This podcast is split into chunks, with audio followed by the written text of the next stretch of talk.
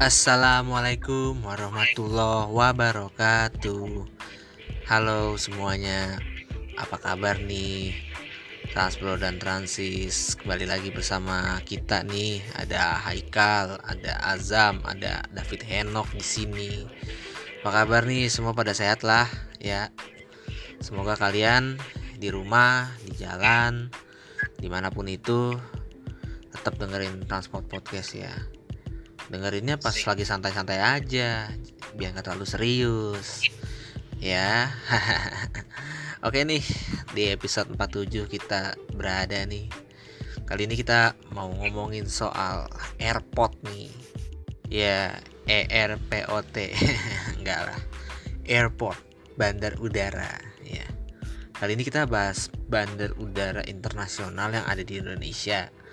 Tapi uh, ini sih anti mainstream sih harusnya sih ya. Karena biasanya orang bahas Soekarno Hatta lah atau mana gitu ya.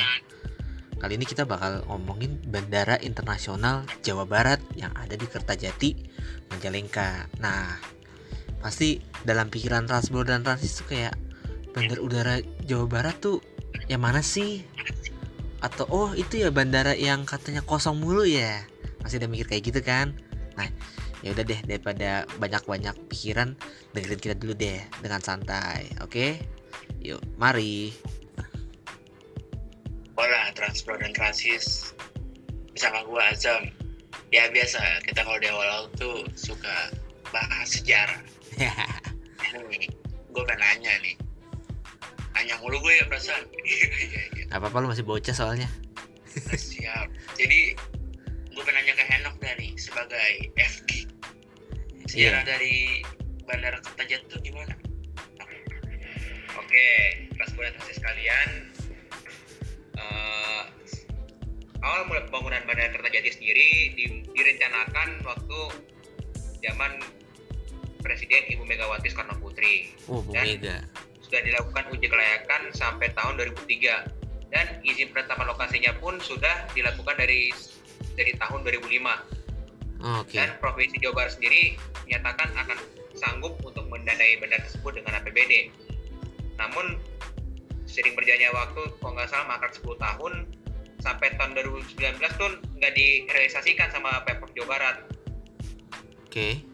Nah, akhirnya pekerjaannya sendiri benar-benar baru dimulai tuh tahun 2014 dengan pengerjaan pembersihan lahan dan fondasi. Jadi, pembangunan nah terus juga masuk sebagai program strategis nasional pada tahun 2015 sehingga pengertiannya bisa dikebutkan dan bandara tersendiri akhirnya resmi digunakan eh, resmi selesai dari 2018 dan resmi digunakan tuh tahun 2019 kemarin. Oke, berarti masih hitungannya masih baru ya kalau nggak salah nok setahu gue tuh 2018 ya nok ya? Itu di yeah. apa di uh, selesai gitu diresmiin sama Pak Presiden Jokowi. Jadi tuh ya gue juga sempat ngulik-ngulik ya zaman zaman 2013an bahwa katanya mau dibikin uh, ini Bandara Internasional Jawa Barat nih. Jadi satu Jawa Barat International Airportnya di situ berkumpul di Kertajati Majalengka katanya tengah-tengah Pulau Jawa. Cuman sih gue nggak nggak yakin sih itu tengah-tengah banget sih. Yang paling tengah menurut gue masih Bandung sih. Nah itu emang sih uh, katanya dia pakai APBD gitu. Dan itu dibangun uh, ini sorry agak sedikit ngomongin soal hal-hal birokrasi dan segala macam ya. Itu dibangun pas zamannya Pak Ahmad Heriawan ya akhir dalam dia uh, memimpin Jawa Barat selama 10 tahun dan akhirnya terrealisasi pada saat dia di kepemimpinan dia di periode kedua itu gue sering ngulik, ngulik, ngulik sejarah sampai situ aja gitu dan akhirnya selesai pas di akhir jabatannya dia. Ya ternyata sejarah panjang ya untuk berdirinya Kertajati ini. Eh, haruslah okay. uh, biar lengkap nih. Kita bahas spesifik kita tanya lagi ke enak nih. Spesifik spesifiknya tuh apa aja oke untuk spesifikasi benar terjadi sendiri dari segi layout dari segi desain ini. Kayaknya ini benar-benar bisa gue bilang sister airportnya Bandara Kuala Namu nih. Oh ya gitu. Bisa gue bilang. Kenapa?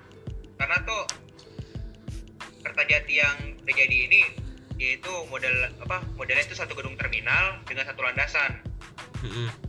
berbeda sama YIA bandara baru juga. Maksudnya bandara yang pembangunannya sangkatan lah sama Kertajati dan teknologi sangkatan lah sama Kuala Namu. Kalau misalnya eh, YIA itu kan gedung terminal kan langsung ada pelandasan tuh. Ya kayak ngurah rai gitu ya?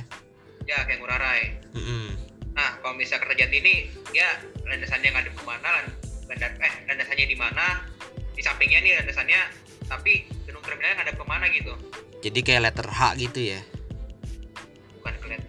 Eh, iya, letter H nanti pada akhirnya. ya kan ada phase one phase two nya lah pastilah Ya, soalnya kan nanti kan rencananya pes, fase keduanya kan ntar ada pembangunan landasan kedua, terus sama terminal kargo ya. ya oke lanjut lagi lanjut lanjut lanjut Oke. Spesifikasi landasannya sendiri, bandara sendiri ya, landasan pacu bandara sendiri itu panjangnya 3000 meter, berarti 3 km dengan lebar 60 meter.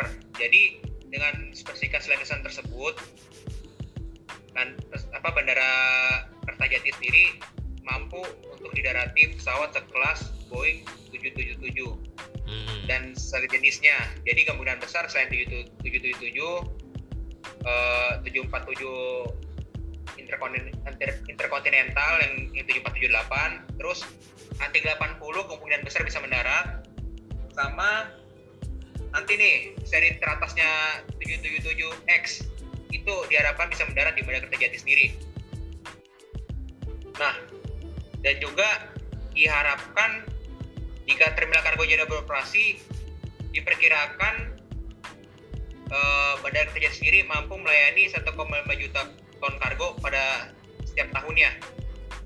Gitu. Jadi selain bisa menopang pesawat komersial, diharapkan juga bisa menopang untuk penerbangan kargo, penerbangan freighter. Jadi kita tahu kan pesawat freighter itu kan gede-gede itu dengan adanya spesifikasi landasan dan bandara seperti itu ya diharapkan 1,5 1,5 juta ton kargo tuh bakal bersirkulasi terus di Bandara Kertajati gitu. oh gitu Oke, sekarang kita ngomongin gedung terminal ya. Untuk gedung terminalnya sendiri, Bandara Kertajati sendiri ini ya bisa gue bilang nggak jauh beda lah sama Kuala Namu gitu.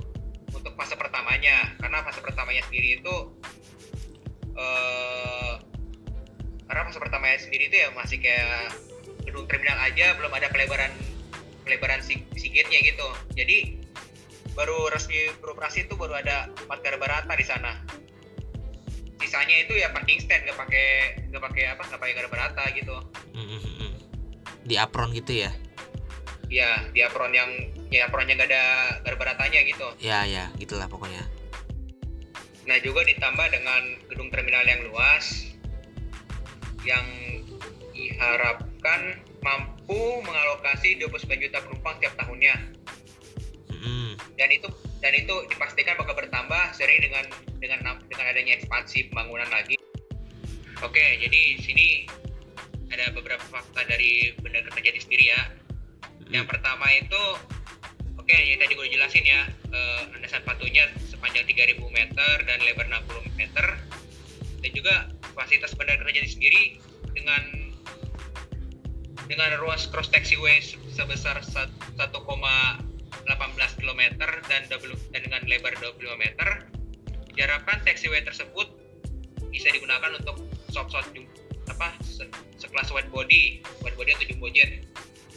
Ya dan juga dengan apron seluas 570 apa 5, 576 meter dan lebar 191 meter diharapkan juga itu bisa menam, bisa menampung pesawat body sekelas 777 dan untuk sekelas narrow body sekelas 737 atau 320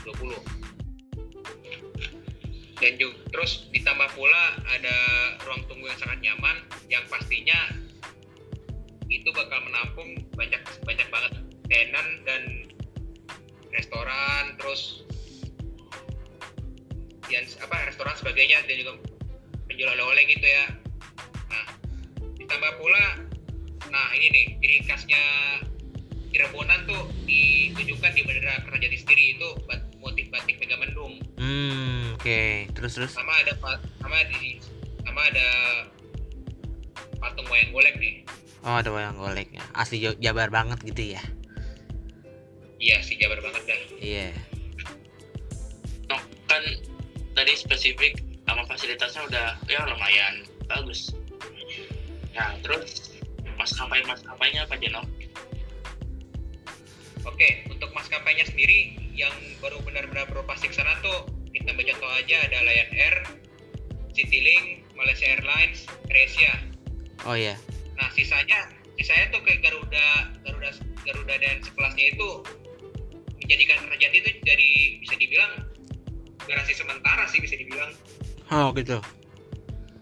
Iya, karena kan lagi masa pandemi gini dan juga uh, proyek GMF itu kan udah udah mulai penuh tuh. Apalagi kan udah penuh sama pesawatnya Garuda sendiri, belum juga sama pesawat-pesawat yang lagi servis di sana. Jadi pesawat-pesawat wide body Garuda itu yang macam 777, A33 Neo tuh parkirannya dipindahin semua ke, ke Kertajati gitu.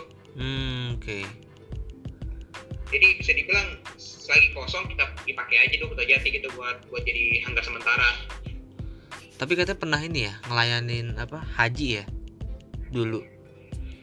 Pas 2018 atau 2019 gitu, gue lupa. Sempat ngelayanin buat apa? eh, umroh haji kalau nggak salah deh. Oke, jadi eh, sempat melayani penerbangan haji untuk embarkasi Jawa Barat. Jadi selama ini kan kalau misalnya Jawa Barat itu kan embarkasinya kan digabung tuh ke Cengkareng kalau di Halim Iya. keberangkatannya. Daripada apa? Kan kesian tuh yang yang apa? Yang dari Cirebon gitu kan pasti bermalam dulu di asrama haji Pondok Gede gitu. Ah, ah, Jadi dengan adanya Kertajati sendiri diharapkan mampu memecah traffic haji yang ada di Cengkareng jadi bisa dibagi ke Kertajati. Jadi istilahnya eh, istilahnya tuh asrama haji Pondok Gede tuh gak bakal penuh-penuh amat gitu untuk menampung yang dari Jawa Barat dan sekitarnya.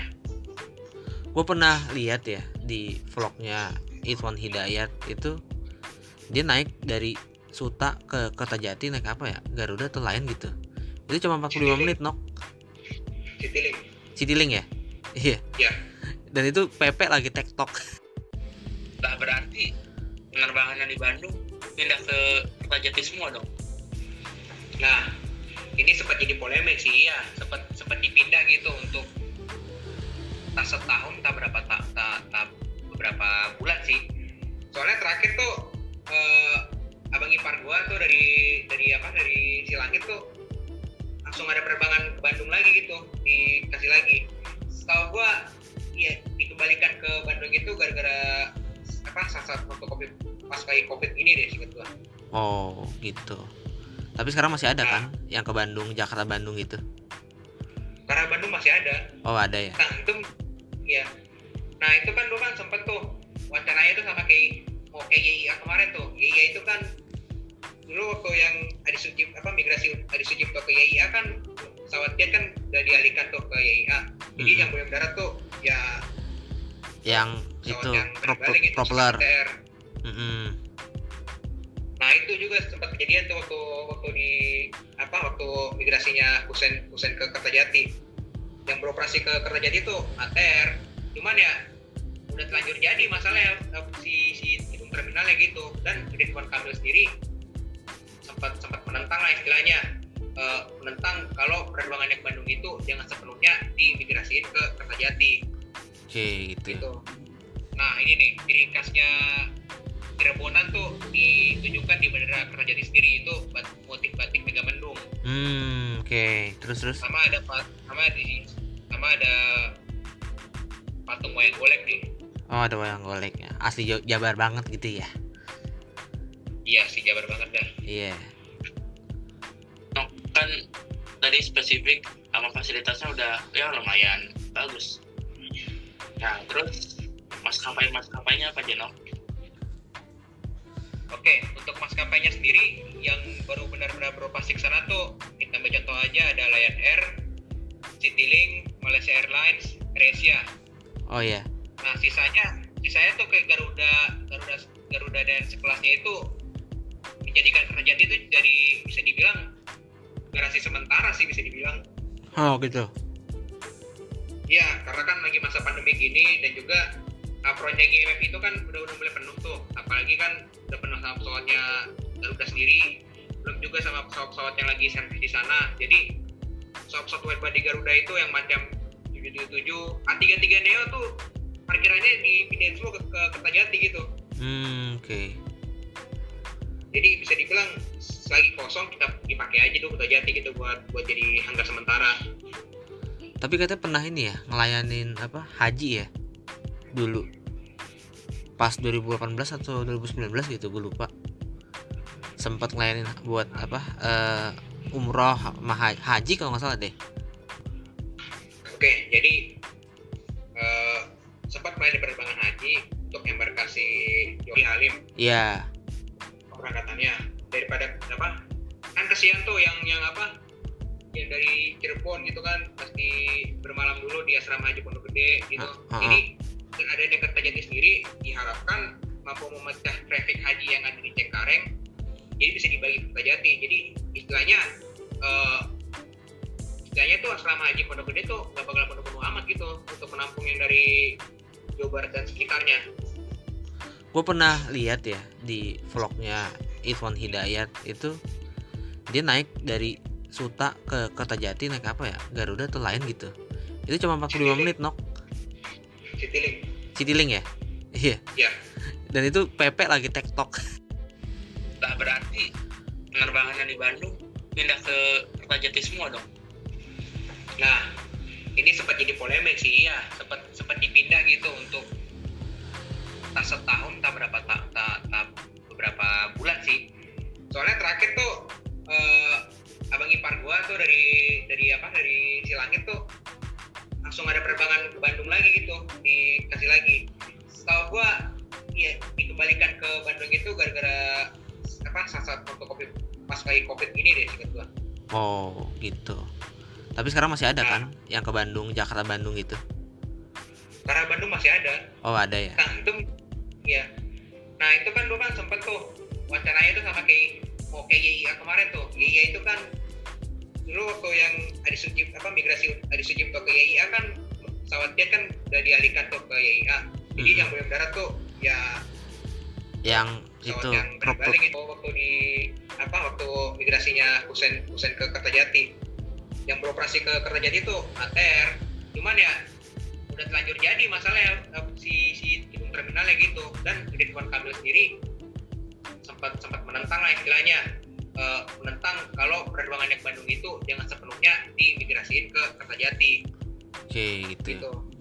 Nah ini nih ciri khasnya Cirebonan tuh ditunjukkan di Bandara Kertajati sendiri. Itu motif batik Megamendung hmm oke.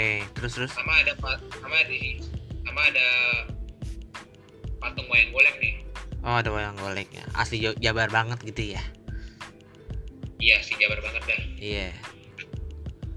No, kan tadi spesifik sama fasilitasnya udah ya lumayan bagus. Nah terus maskapai maskapainya apa aja Nom? Oke, untuk maskapainya sendiri yang baru benar-benar beroperasi ke sana tuh kita ambil contoh aja ada Lion Air, Citylink, Malaysia Airlines, AirAsia. oh iya Nah, sisanya sisanya tuh kayak Garuda, Garuda, Garuda dan sekelasnya itu menjadikan kerajaan itu jadi bisa dibilang garasi sementara sih bisa dibilang. oh gitu Ya, karena kan lagi masa pandemi gini dan juga uh, proyek GMF itu kan udah udah mulai penuh tuh. Apalagi kan udah penuh sama pesawatnya Garuda sendiri, belum juga sama pesawat-pesawat yang lagi servis di sana. Jadi pesawat-pesawat wide Garuda itu yang macam 777, A33 Neo tuh parkirannya dipindahin semua ke, ke Kertajati gitu. hmm oke Jadi bisa dibilang lagi kosong kita dipakai aja dulu Kertajati gitu buat iya dulu pas 2018 atau 2019 gitu gue lupa sempat ngelayanin buat apa eh, umroh haji kalau nggak salah deh. Oke, jadi eh, sempat main di penerbangan haji untuk embarkasi Yogi Halim. Iya. Keberangkatannya. Daripada apa? Kan kesian tuh yang yang apa yang dari Cirebon gitu kan pasti bermalam dulu di asrama haji Pondok Gede gitu. Ah, jadi dengan ada dekat Kertajati sendiri diharapkan mampu memecah traffic haji yang ada di Cengkareng jadi bisa dibagi ke Kertajati jadi istilahnya eh, istilahnya tuh asrama haji Pondok Gede tuh gak bakal penuh-penuh amat gitu untuk menampung yang dari Jawa Barat dan sekitarnya. Gue pernah lihat ya di vlognya Irfan Hidayat itu dia naik dari Suta ke Kertajati naik apa ya? Garuda atau lain gitu. Itu cuma 45 menit nok. Citylink. Citilink ya? Iya. Iya. dan itu PP lagi tektok. Nah berarti penerbangan yang di Bandung pindah ke Kertajati semua dong. Nah, ini sempat jadi polemik sih ya, sempat sempat dipindah gitu untuk tak setahun tak berapa tak, tak, tak beberapa bulan sih. Soalnya terakhir tuh eh, abang ipar gua tuh dari dari apa dari Silangit tuh langsung ada penerbangan ke Bandung lagi gitu dikasih lagi. Setahu gua ya dikembalikan ke Bandung itu gara-gara apa saat waktu covid pas lagi covid ini deh singkat gua. oh gitu tapi sekarang masih ada kan yang ke Bandung Jakarta Bandung gitu Karena Bandung masih ada. oh ada ya Nah, kayak YIA kemarin tuh, YIA itu kan dulu waktu yang Adi Sucipto apa migrasi Adi Sucipto ke YIA kan pesawat jet kan udah dialihkan tuh ke YIA. Jadi Mhm. yang boleh mendarat tuh ya yang itu yang berbalik itu waktu di apa waktu migrasinya Husen Husen ke Kertajati. Yang beroperasi ke Kertajati itu ATR. Cuman ya udah terlanjur jadi masalahnya eh, si si gedung terminalnya gitu. Dan Ridwan Kamil sendiri sempat sempat menentang lah istilahnya. Eh, menentang kalau penerbangannya ke Bandung itu jangan sepenuhnya diimigrasiin ke Kertajati. Oke gitu gitu. Nah ini nih ciri khasnya Cirebonan tuh ditunjukkan di Bandara Kertajati sendiri itu motif batik Megamendung. Hmm oke. Terus terus? Sama ada sama di sama ada patung wayang golek nih. oh ada wayang goleknya asli Jo- Jabar banget gitu ya Iya sih Jabar banget dah. iya No, kan tadi spesifik sama fasilitasnya udah ya lumayan bagus. Nah terus maskapai maskapainya apa aja no? Oke, untuk maskapainya sendiri yang baru benar-benar beroperasi ke sana tuh kita ambil contoh aja ada Lion Air, Citylink, Malaysia Airlines, Asia.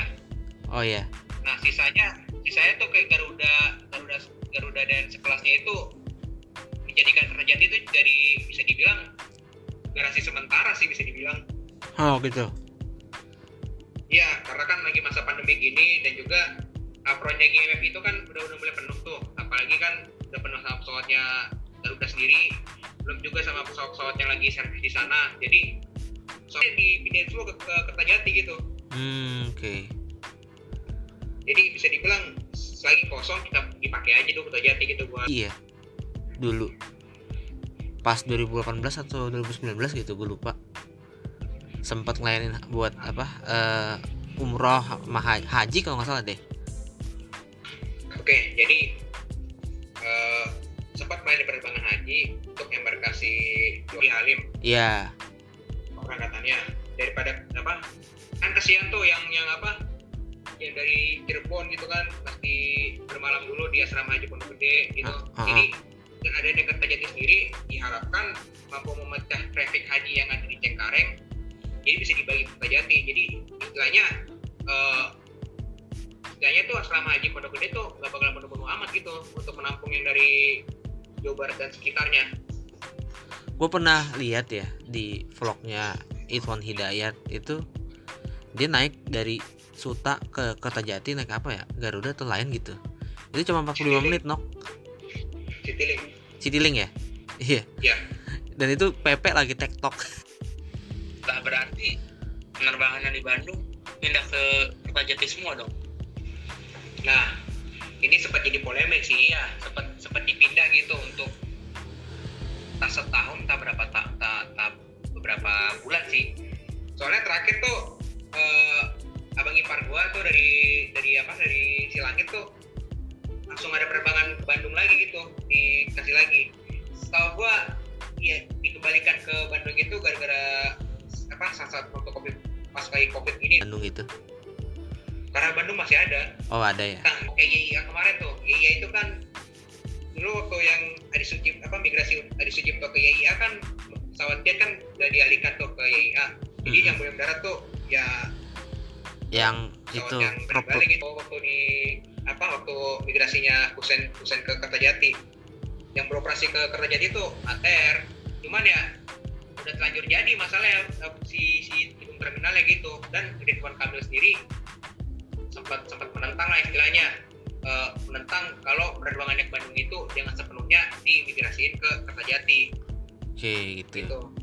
Nah ini nih ciri khasnya Cirebonan tuh ditunjukkan di Bandara Kertajati sendiri itu bat- motif batik Mega Mendung. Hmm oke. Terus terus. Sama ada sama di sama ada patung wayang golek nih. Oh ada wayang golek. Asli Jabar banget gitu ya. Iya sih Jabar banget dah. Iya. No, kan tadi spesifik sama fasilitasnya udah ya lumayan bagus nah terus maskapai maskapainya apa Jeno? Oke, untuk maskapainya sendiri yang baru benar-benar beroperasi ke sana tuh kita ambil contoh aja ada Lion Air, Citylink, Malaysia Airlines, Asia. Oh ya. Nah sisanya sisanya tuh kayak Garuda Garuda Garuda dan sekelasnya itu menjadikan Kertajati itu jadi bisa dibilang garasi sementara sih bisa dibilang Oh gitu. ya karena kan lagi masa pandemi gini dan juga apronnya GMF itu kan udah udah mulai penuh tuh apalagi kan udah penuh sama pesawatnya Garuda sendiri Kertajati gitu Hmm oke. jadi bisa dibilang lagi kosong kita dipakai aja tuh Kertajati gitu buat Iya. Dulu. Pas 2018 atau 2019 gitu gue lupa. Sempat ngelayanin buat apa? eh umroh sama ha- haji kalau nggak salah deh. Oke, jadi eh, sempat main di penerbangan haji untuk embarkasi Yogi Halim. Iya. keberangkatannya daripada apa kan kasihan tuh yang yang apa yang dari Cirebon gitu kan pasti bermalam dulu di asrama haji Pondok Gede gitu. Ah, ah, jadi yang ada dekat Tajati sendiri diharapkan mampu memecah traffic haji yang ada di Cengkareng. Jadi bisa dibagi ke Tajati jadi istilahnya eh, istilahnya tuh asrama haji Pondok Gede tuh gak bakal penuh-penuh amat gitu untuk menampung yang dari Jawa Barat dan sekitarnya. Gue pernah lihat ya di vlognya Itwan Hidayat itu dia naik dari Suta ke Kertajati naik apa ya? Garuda atau lain gitu. Itu cuma 45 menit nok. Citylink.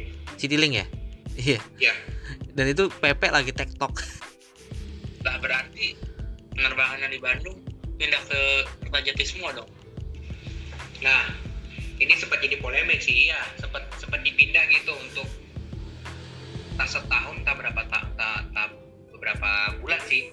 Soalnya terakhir tuh eh, abang ipar gua tuh dari dari apa dari Silangit tuh langsung ada penerbangan ke Bandung lagi gitu, dikasih lagi. Setahu gua ya dikembalikan ke Bandung itu gara-gara apa saat waktu covid pas kayak covid ini. Bandung gitu. Dulu waktu yang Adi Sucipto apa migrasi Adi Sucipto ke YIA kan pesawat jet kan udah dialihkan tuh ke YIA jadi Mhm. yang boleh mendarat tuh ya yang itu yang berbalik gitu. Waktu di apa waktu migrasinya Husen Husen ke Kertajati. Yang beroperasi ke Kertajati itu ATR cuman ya udah terlanjur jadi masalahnya eh, si si gedung terminalnya gitu. Dan Ridwan Kamil sendiri sempat sempat menentang lah istilahnya. Eh, menentang kalau penerbangannya ke Bandung itu jangan sepenuhnya dimigrasiin ke Kertajati. Oke gitu gitu. Nah ini nih ciri khasnya Cirebonan tuh ditunjukkan di Bandara Kertajati sendiri itu bat- motif batik Mega Mendung. hmm oke. Terus terus? Sama ada sama di sama ada patung wayang golek nih. oh ada wayang goleknya. Asli Jabar banget gitu ya Iya sih Jabar banget dah. iya No, kan tadi spesifik sama fasilitasnya udah ya lumayan bagus. Nah terus maskapai maskapainya apa Jeno? Oke, untuk maskapainya sendiri yang baru benar-benar beroperasi ke sana tuh kita ambil contoh aja ada Lion Air, Citylink, Malaysia Airlines, Asia. oh ya Nah sisanya sisanya tuh kayak Garuda Garuda Garuda dan sekelasnya itu menjadikan Kertajati itu jadi bisa dibilang garasi sementara sih bisa dibilang. Oh gitu. Ya karena kan lagi masa pandemi gini dan juga uh, proyek GMF itu kan udah udah mulai penuh tuh. Apalagi kan udah penuh sama pesawatnya Garuda sendiri ganti gitu. Hmm oke. Jadi bisa dibilang lagi kosong kita dipakai aja. 2019 gitu gue lupa. Sempat ngelayanin buat